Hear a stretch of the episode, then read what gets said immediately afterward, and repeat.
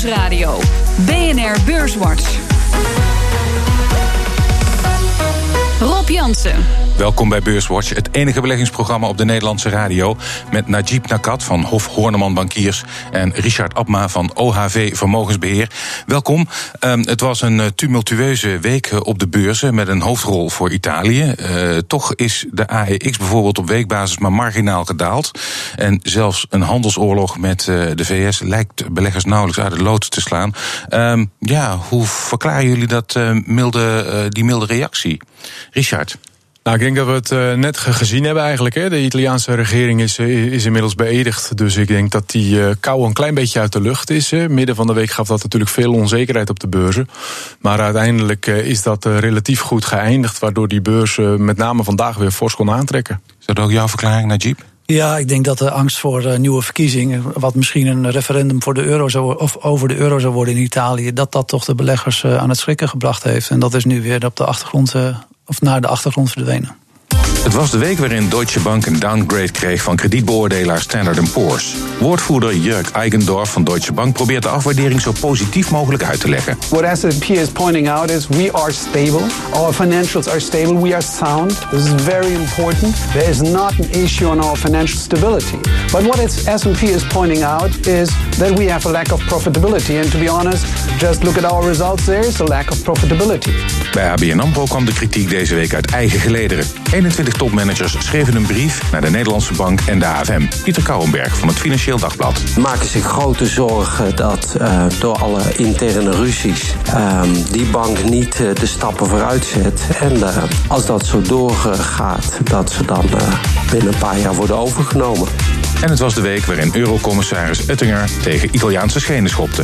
Meine Erwartung ist, dass die nächsten Wochen zeigen, dass die Märkte, die Wirtschaft und Entwicklung Italiens so einschneidend sein könnten, dass dies für die Wähler doch ein äh, mögliches Signal ist, nicht Populisten von links und rechts zu wählen. Ja, Günther Oettinger die zegt hier dus dat de onrust op de financiële markten voor kiezers een signaal kan zijn om niet op linkse of rechtse populisten te gaan stemmen. Dat kwam op kritiek te staan van onder andere Jean-Claude Juncker. Die vindt dat de EU zich daar niet mee moet bemoeien. Um, het is natuurlijk achterhaald, want die populistische regering die treedt aan. Uh, uh, zo is gebleken vandaag. Er komen geen verkiezingen. Um, een eurosceptische minister krijgt niet de post van financiën, waardoor de president dus wel zijn fiat gaf aan een nieuwe regering. Maar goed, die eurosceptische minister, uh, Najib, die komt wel in de regering voor Europese zaken. Er komt dus ook gewoon een eurosceptische uh, regering in Italië. hoe schat je de risico's in wat dat betreft? Nou, tot nog toe hebben we gezien dat op het moment dat de, het, het scepticisme over de euro te groot werd in, in, in dit soort landen, dat de markten echt behoorlijk heftig gereageerd hebben. En dat uiteindelijk, ja, als je als land je financiering nog rond wil krijgen, dat je dus uiteindelijk toch moet luisteren naar de markten. Alleen het was behoorlijk ontactisch om dat door een Duitser uit Brussel uh, te laten mededelen. Ja. Um, Richard, uh, hoe jij uh, de risico's? Denk jij dat het. Nou, kijk, wat ik zo vreemd eigenlijk vind, is dat de laatste polls die geweest zijn onder Italianen, of ze in de euro willen blijven, ja of nee, een aantal maanden terug, was dat ja. meer dan 70% van de Italianen eigenlijk pro-Europa is. Ja. Dus daarom bevreemde mij dat eigenlijk dat dat nou in ene weer zo'n groot issue is. Ik ja. denk wel dat het tijd wordt dat we dit nou eens een beetje achter ons gaan laten, ook in Italië en dergelijke. En dat we veel meer richting een fiscale unie met heel Europa kunnen gaan werken. Ja, maar dat is nou juist iets waar populisten zich tegen verzetten. En ze hebben, het lijkt wel alsof ze uh, een soort ambivalente houding hebben. Uh, niet alleen overigens in, in, in Italië. Ze willen wel de, de, de vruchten van uh, een Europese Unie. Maar de lasten, snelle hervormingen, uh, flexibilisering van de arbeidsmarkt, dat zijn dingen waar ze vaak meer moeite mee hebben. Kijk, klopt dat. Kijk, het, het, de uitdaging wordt denk ik dat als ze in het najaar naar Brussel gaan met hun budgetvoorstel. Ja, dat, dat gaat spanning in geven. Want ze hebben één doel, deze nieuwe Italiaanse regering. Dat is geld uitgeven, geld uitgeven en nog veel meer geld uitgeven. Ja. En ze hebben al zoveel schuld. Dus ja, dat wordt gewoon een groot probleem. Um, ja, Najib, ik zei al, die, die reactie op de aandelenmarkt was relatief beperkt. Op de obligatiemarkt was wel even wat anders. Ja, daar heb je enorme daling van, eh, van de rentes eh, gezien. Eh, van met name van de Duitse staatsleningen. Die zijn fors omlaag gekomen. Het, qua rendement, qua koers dus omhoog. mensen zochten de veiligheid. En ondanks het feit dat later in de weken wat meer rust terugkeerde in de markten... zie je nog steeds dat niet alleen in Europa de, de rentes nog niet helemaal hersteld zijn... naar de niveaus die passen bij de huidige economische groei. Maar je ziet het zelfs in Amerika. Dat daar, ook in combinatie met de handelsoorlog... er toch wat onzekerheid is ontstaan en dus vlucht naar maar, staatsleningen. En ook een, een Bill Gross, hè, die heeft zich behoorlijk verkeken dan afgelopen week. Eh, die, die denkt dat de Europese rentes meer richting Amerikaanse rentes kunnen gaan bewegen. Ja, deze week is eigenlijk het tegenovergestelde gebeurd. Hè. Het, is, het is uitgelopen op elkaar. Ja. Dus ja, dat, het is de vraag hè, of, of dit nou aantrekkelijk bijvoorbeeld is, deze huidige Italiaanse rentes. Toen in, in 2011 had je die Berlusconi-crisis. Toen uh, liepen Italiaanse rentes op richting 6, 7 procent. Ja, nu staan we rond de 2,7 op 10 jaars rente. Dus ja, ja, voor, voor ons is dat niet interessant om zeg maar iets mee te doen. Ehm, wat we wel zien is overigens dat een heel groot deel van de Italiaanse staatsschuld wel ook gewoon in Italiaanse handen is. Een uh, kleine 70% zit gewoon bij Italiaanse financiële instellingen, al dan niet voor hun klanten. Ja. En het is uh, misschien ook wel da daardoor dat het ook helemaal niet in het belang van Italië is om uit, uh, uit de euro te treden. Kijk, die populisten zijn natuurlijk ook aan de macht gekomen vanwege de migrantenkwestie in Italië. en wat ze dan meenemen, zeg maar, in de bagage het parlement in, is, is de, ja, het, een beetje het anti-euro gevoel. Het is natuurlijk een makkelijke zondebok ja, ook. Zou dat een uitruil kunnen zijn? Uh, dat uh, Italië inderdaad serieus tegemoet gekomen wordt? Want die crisis, die migrantencrisis, die is er. Italië voelt zich misschien wel terecht, zeggen nogal mensen, uh, in de steek gelaten door de EU. Zou dat een uh, mooie trade-off zijn? Dat je... Ik denk wel dat dat, uh, dat dat de insteek zal zijn, inderdaad. Dat ze, dat ze in ieder geval willen onderhandelen. Kijk, in de geest van de heer Trump. Hm. Die natuurlijk de art of the deal heeft, heeft gecreëerd nu binnen de politiek. Zal er, denk ik ook in Europa zal er agressiever onderhandeld gaan worden. En met name nu door de Italianen. Betekent wel dat je, Najib, die, die, die schommelingen, die spanningen, hè, zoals we die de afgelopen weken hebben gezien, dat houden we voorlopig nog even? Of uh, ben ik dan te ja, somber? Nee, ik denk dat, dat we die voorlopig houden. Um, je ziet op zichzelf dat er uh, in de aandelenmarkten relatief rustig nu op gereageerd wordt, omdat er uiteindelijk toch een soort compromis gesloten is tussen de president in Italië en de, en de, de, de beide populistische partijen. Um, en dan vallen beleggers terug toch op uh, de economische groei. En, uh, en die is gewoon nog steeds goed. Al ja, is die een beetje afgeremd in Europa ja. de laatste tijd. En als je ook kijkt naar inflatiecijfers uh, deze week, die zijn een beetje onderbelicht gebleven. Mm. Maar die komen fors hoger binnen in Europa dan verwacht. Ja. Kijk, en uiteindelijk, als je dan kijkt naar 10 jaar rente in, in Italië op 2,7. Stel je koopt dat. En, en enerzijds heb je hogere groeiverwachtingen, hogere inflatieverwachtingen. Dat betekent dus het toenemende kans op, op renteverhogingen. Mm. En aan de andere kant heb je het risico dat als de regering valt, hm. dat de kredietopslagen gaan eh, uitlopen. Wat we eerder deze week gezien hebben. Hm.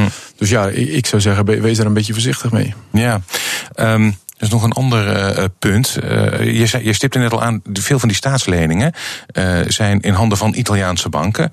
Um, dan moet, en verzekeraars. En verzekeraars. Dan moet de Italiaanse regering wel aan zijn verplichtingen kunnen voldoen. Dan moet die rente niet te ver oplopen. Ze moeten al dit jaar geloof ik iets van 190 miljard herfinancieren. Volgend jaar tegen de 300 miljard. Moet allemaal wel soepel gaan dan. Ja, ze hebben iets van 2300 eh, miljard eh, uitstaan. Een gemiddelde looptijd, uh, ik weet niet precies ergens. Ieder, dus ieder jaar moet er geloof ik 200 miljard worden. Uh, dus dat is ongeveer 200, 250 ja. miljard per jaar dat geherfinancierd uh, moet worden. Het goede nieuws is dat ze natuurlijk de afgelopen jaren met de, de hele lage rente die ze genoten, toch wel een belangrijk deel ook van de staatsschuld geherfinancierd hebben.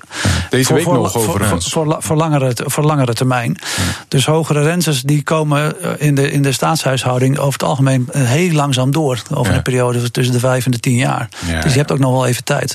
Alleen wel bij, de, bij in Italië is wel de uitdaging dat heel veel kort gefinancierd is. Deze week bijvoorbeeld hebben ze nog 4 miljard opgehaald uh, uit de markten. Mm.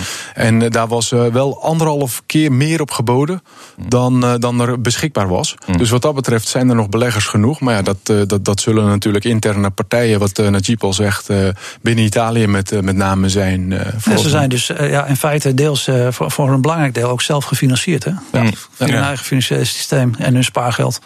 En um, als we nou kijken naar. Uh, we blijven even in Zuid-Europa, Spanje. Hoe groot is het uh, risico dat het daar uh, stabiel blijft? Premier Rajoy is gevallen, zijn kabinet, op een langslepend corruptieschandaal. beurs in Madrid vandaag wel hoger gesloten, maar was afgelopen week ook wel een achtbaan. Hoe beschouw jij dat risico? Nou, sowieso is in Spanje uh, beter hervormd, sneller ja. hervormd. Uh, de economie groeit ook beter.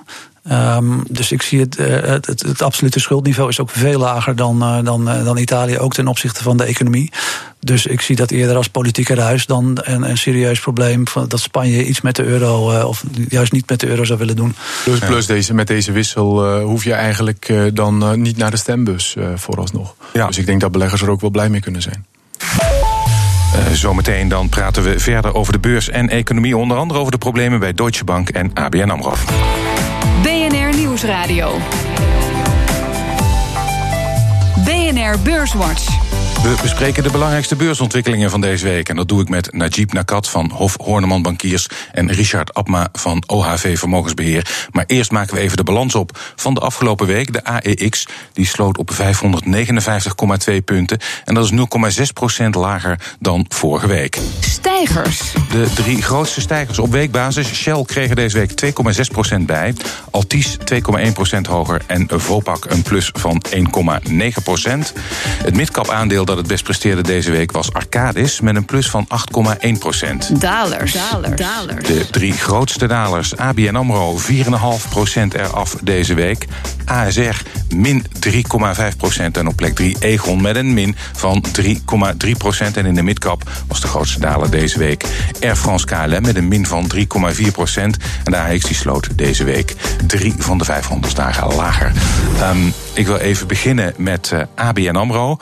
Um, in de topdalers over. Ze zijn de grootste daler uh, de, deze week. Maar het helemaal bijna de, de alle financial staten in de top 10 uh, dalers deze week. Is dat allemaal toe te schrijven aan de perikelen rond Italië?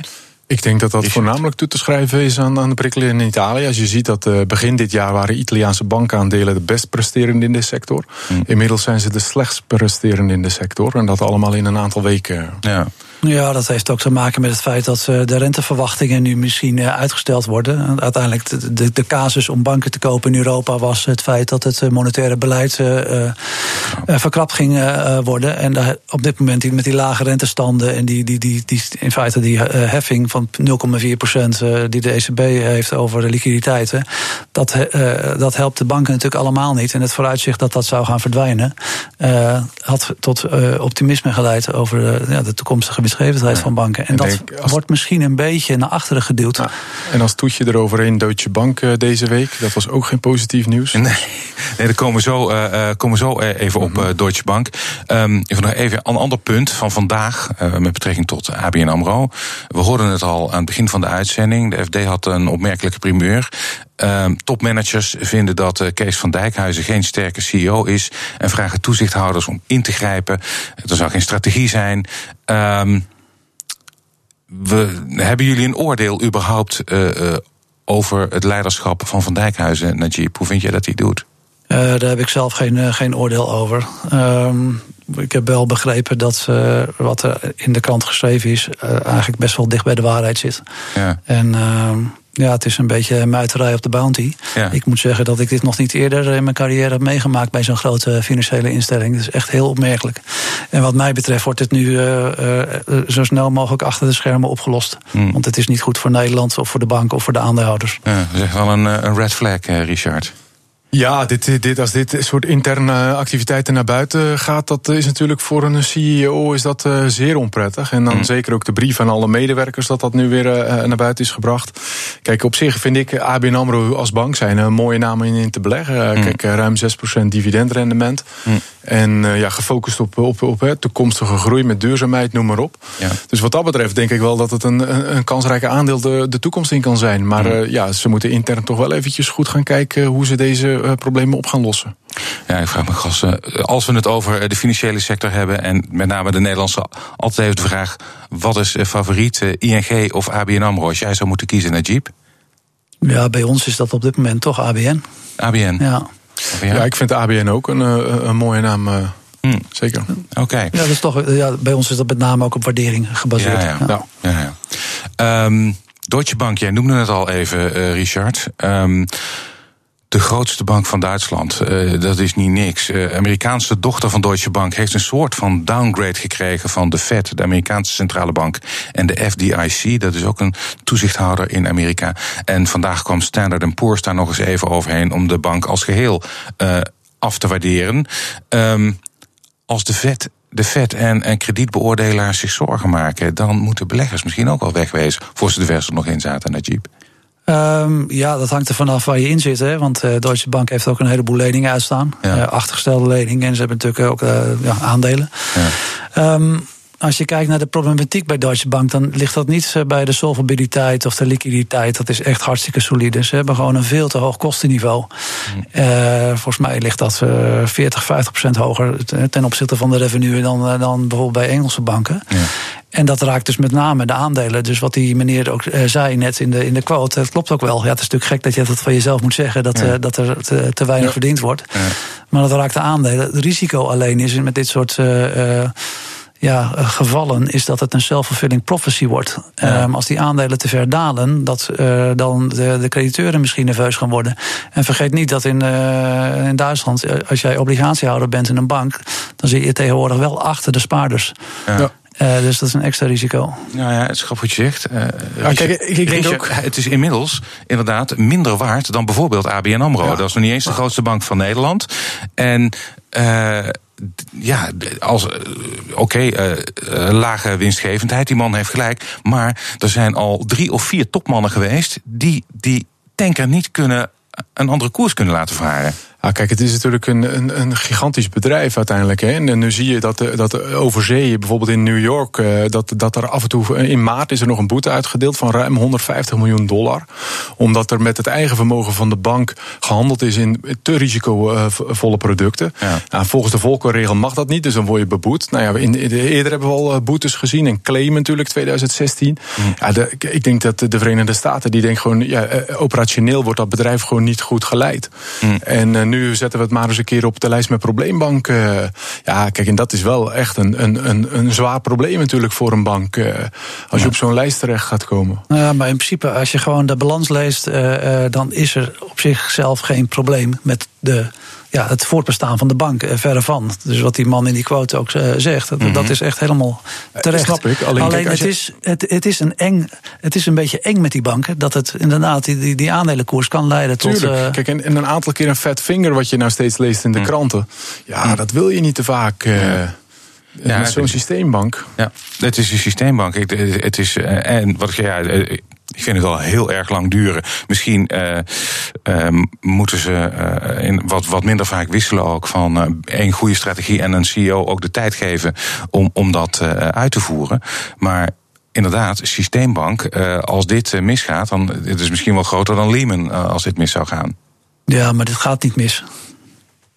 Dit, nee, het lijkt er voorlopig inderdaad niet nee, op dat, komt, dit, uh, dat Uiteindelijk is het natuurlijk gewoon... er is natuurlijk met het, met het toezicht wat in, aanzienlijk verscherpt is... en de nieuwe maatregelen die getroffen zijn... kun je natuurlijk ja. een, een, een bail in doen. Maar uiteindelijk levert dat in de markt heel veel problemen op. Uh, er is natuurlijk uh, contagion, hè, besmettingsgevaar, de uh, vertrouwenscrisis ten aanzien van misschien het Europese financiële systeem. Dus daar, daar moet je allemaal niet aan denken. En op zichzelf, als je puur naar de cijfers kijkt, hoef je er ook niet aan te denken. Nee, precies. Wat dus, je zegt, dus, die solvabiliteitsratios zijn prima. Liquiditeit, er zit een kleine 300 miljard dollar liquiditeitsreserves hebben ze nog. Ja. Dus veel beter dan in 2016 toen die, toen die claim bijvoorbeeld opgelegd werd. Ja. Het probleem is natuurlijk ook dat ja, ze hebben vorig jaar volgens mij 8 miljard opgehaald. Ja. Uh, en, en, sindsdien is de koers gehalveerd. Dus ja, ja. dat helpt ook niet mee om nee. uh, zeg maar in de toekomst ook uh, eventueel geld op te halen, mocht dat nodig zijn. Hmm.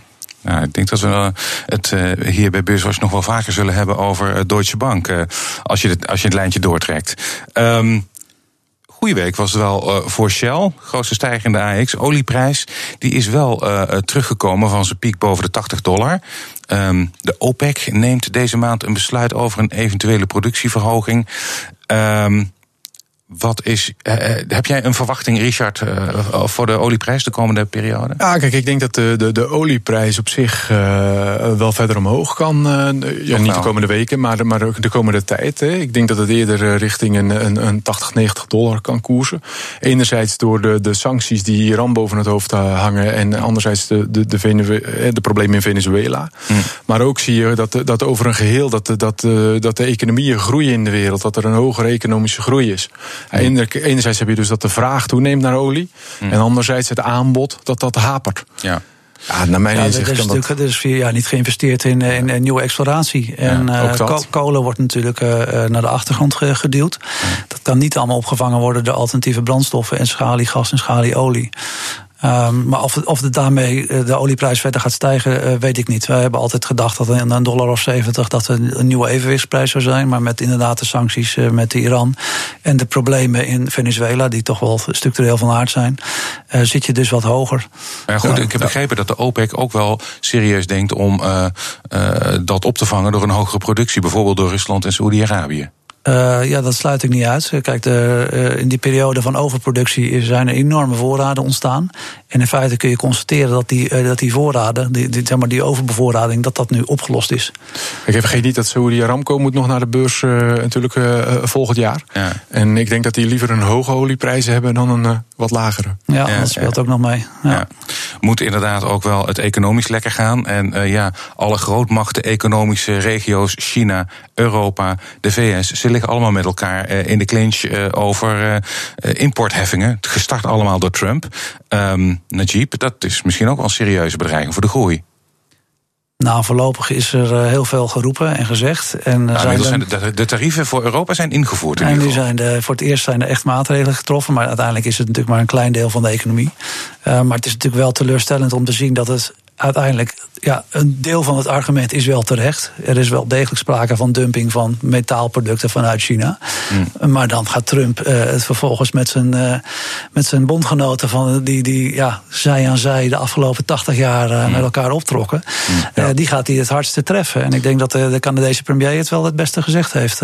Namelijk? Meneer Trudeau, ja, we hebben met elkaar gestorven en gevochten vanaf de, de standen van Normandië tot, tot Afghanistan aan toe. En dan, en dan maak je ons dit. Uh, dus waar, Kijk, er zijn regels uh, omtrent het invoeren van dit soort heffingen. En die heeft hij heel simpel omzeild. Hmm. Door het een, uh, een zaak van nationale veiligheid te maken. En hij heeft hmm. een wet gevonden uit 1960 die hij nu aanroept. Ja. En volgende week is de G7, dus dan gaat daar direct weer over gesproken worden. Nou, de Europese landen, China zijn alweer aan het kijken om ook weer heffingen te gaan laten plaatsvinden. Maar kijk, Trump zijn, zijn spel is, is een beetje van ik ga in de aanval, ik leg dingen op. En dan we meet in the middle. Uiteindelijk. En dan mm. heeft hij een goede deal. Kijk, ja. en, en de kracht van Trump is denk ik dat hij de grootste economie ter wereld achter zich heeft verstaan. Dus, dus mensen moeten zich wel aanpassen. Uh, landen moeten zich wel gaan uh, schikken naar zijn hand. Ja, we zijn daarmee alweer bijna aan het uh, einde gekomen van uh, onze uitzending. Dan vraag ik mijn gasten altijd een tip. Najib, wat is jouw tip voor de luisteraar? Ja, dat is een, uh, dat is een positie die bij ons in de portefeuille zit. Uh, dat is een uh, bedrijf van de beurs van Hongkong. Ja. Dat is een van de grootste garenproducenten van de wereld. Dat ja. heet, het bedrijf heet Tex Hong. inmiddels al jaren hard aan het groeien. De afgelopen acht jaar is de omzet verviervoudigd. Ja. goede marges. Ongeveer negen keer de winst, 4% dividend. Um, het enige is dat je natuurlijk valutarisico hebt. Ja. Het draait al jaren op 100% bezettingsgraad. En, ja. uh, en, en, die man uh, die erachter zit, uh, die heeft het wel in zijn vingers. Oké, okay. jouw tip, Richard? Ook een positie die wij sinds kort in, in portefeuille hebben. Dat is de, de Bank of Cyprus. Die kwam deze week uit met kwartaalcijfers. Ze verwachten een, een, winst per aandeel van 40 eurocent. Het aandeel handelde voor de cijfers rond de 1,60 euro. Daarna rond de 2. Betaal je vijf keer de winst. Hmm. Ja, naar, naar mijn idee kansrijk het komende jaar. Oké, okay. hartelijk dank. Najib Nakat van Hof Horneman Bankiers en Richard Abma van OHV Vermogensbeheer. Dit was BNR Beurswatch. Terugluisteren kan via de site, de app, iTunes of Spotify. Tot de volgende week.